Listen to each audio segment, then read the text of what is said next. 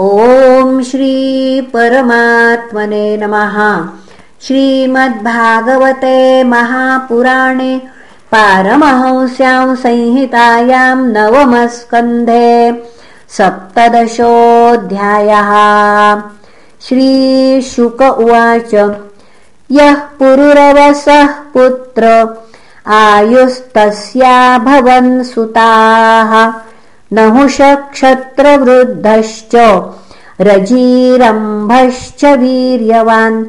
अनेना इति राजेन्द्रो शृणु क्षत्रवृधोऽन्वयम् क्षत्रवृद्धस्तु सुतस्यासन् सुहोत्रस्यात्मजास्त्रयः। काश्यः कुशो गृत्समद इति गृत्समदादभूत् शुनकः शौनको यस्य बौह च प्रवरो मुनिः। काश्यस्य काशिस्तत्पुत्रो राष्ट्रो दीर्घतमः पिता। धन्वन्तरिर्दैर्घतम आयुर्वेदप्रवर्तकः। यज्ञभुग्वासुदेवांशः स्मृतमात्रार्तिनाशनः तत्पुत्रः केतुमानस्य जज्ञे भीमरतस्ततः। दिवो दासो द्युमांस्तस्मात् प्रतर्दन इति स्मृतः।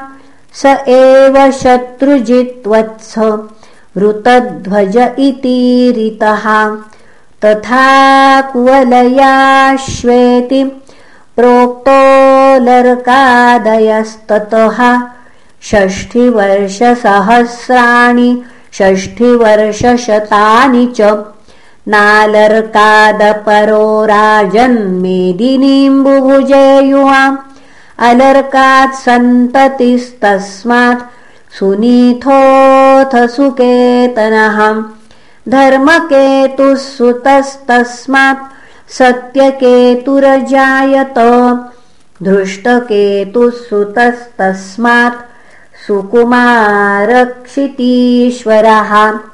वीतिर्होत्रस्य भर्गोत भार्गभूमिरभूनृपः।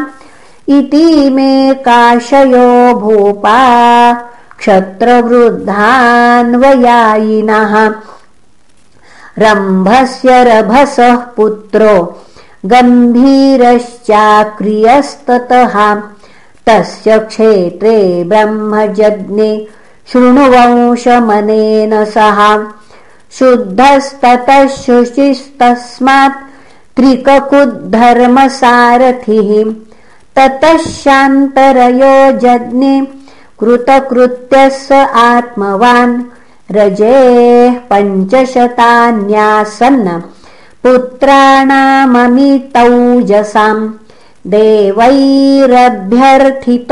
दैत्यान् हत्वेन्द्रायाददादिवम् इन्द्रस्तस्मै पुनर्दत्त्वा गृहीत्वा चरणौ रजेः आत्मानमर्पयामास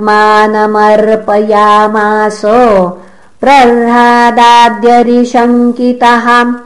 पितर्युपरते पुत्रा याचमानाय नो ददुः त्रिविष्टपम् महेन्द्राय यज्ञभागान् समाददुः गुरुणा हूयमानेऽग्नौ बलभित् तनयान् रजेः अवधीद्भ्रंशितान् मार्गान्न कश्चिदवशेषितः कुशात् प्रति क्षात्रवृद्धात् सञ्जयस्तत्सुतो जयः। ततः कृतः कृतस्यापि जज्ञे हर्यवनो नृपः। सह देवस्ततो हीनो जयसेनस्तु तत्सुतः सङ्कृतिस्तस्य च जयः क्षत्रधर्मा महारथः क्षत्रवृद्धान्वया